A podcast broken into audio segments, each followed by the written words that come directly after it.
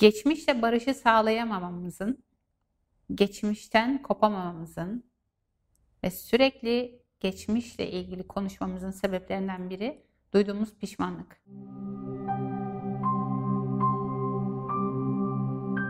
Herhangi bir konuda aldığımız kararın altında bizim imzamız yoksa, biz bir başkasının onayı için yaşıyor isek, hatta çoğunlukla başkalarının onayı için evet ya da hayırımızı konumlandırdığımız yeri seçiyor isek aslında pişmanlık en yakın arkadaşımız oluyor. Çünkü aslında dışarıyı kontrol etmeye çalışırken yani dışarıda olan biteni, dışarıda gördüğümüz herhangi birini, annemizi, babamızı, sosyal çevremizi kontrol etmeye çalıştığımızı zannederken onlar tarafından kontrol edilir oluyoruz. Bu kontrol etme isteğimiz o kadar büyük bir enerji alanını kaplıyor ki biz evetimizle hayırımızın yerini değiştiriyoruz ve çoğunlukla istemediğimiz yerde o kadar çok evet demek zorunda kalıyoruz ki doğru yerde hayır kullanamıyoruz. Bu evet hayır dengesi gittiğinde işte o zaman istemediğimiz kararları almak zorunda kaldığımızı hissederek pişmanlıkla bir işbirliği yapıyoruz.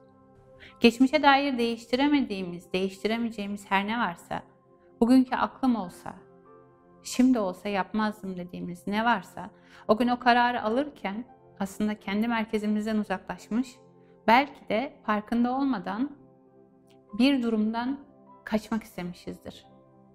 O durumu değiştirmek, orada kalıp kararlarımızı ifade etmek yerine kolaya kaçmışızdır. Konfor alanından çıkamamışızdır. Bugün düne bakıp değerlendirme yaptığımızda kendimizi eleştirdiğimiz şey her neyse aslında geçmişle bağımızı kesmek istediğimizde o geçmişe bakış açımızı yeniden değerlendirmeliyiz. Anlatırken kendi sesini dinle.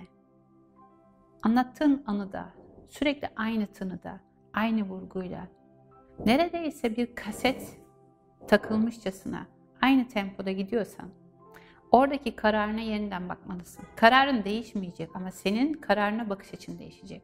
Ve evetini doğru yerde kullanmak, hayırını doğru yerde kullanmak için bir karar verdiğinde aslında dışarının seni onaylamasından kendini özgürleştirmiş olacaksın.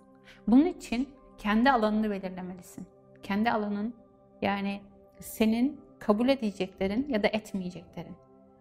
Bir başkası sana iyisin desin diye, sen şöyle şöylesin desin diye verdiğin kararlar, kendini ezdiğin anlar, alttan aldıkların ve bu alttan almalar yüzünden hızlı verdiğin tepkiler, olmadık yerde patlamaların, duygu patlamaların.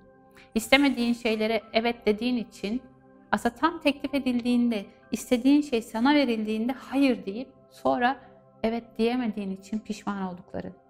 Geçmişteki evetlerine pişmanlıkların bugün evet diyemediklerine pişmanlıklarını doğuruyor.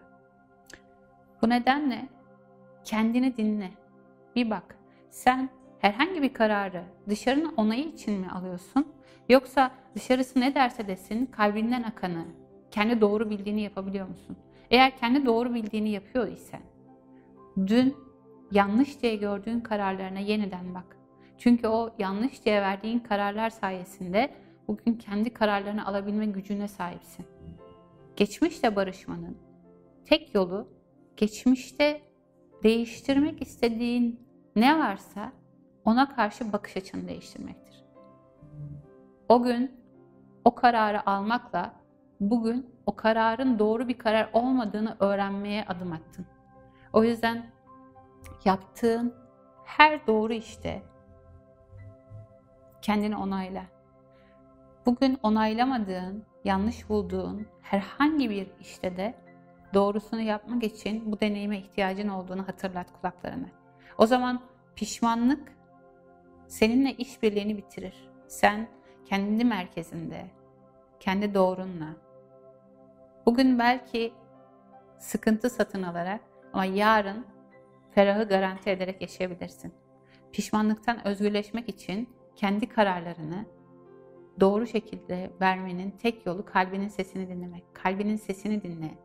Hayat yolculuğunu kolaylaştırsın. Hoşçakalın.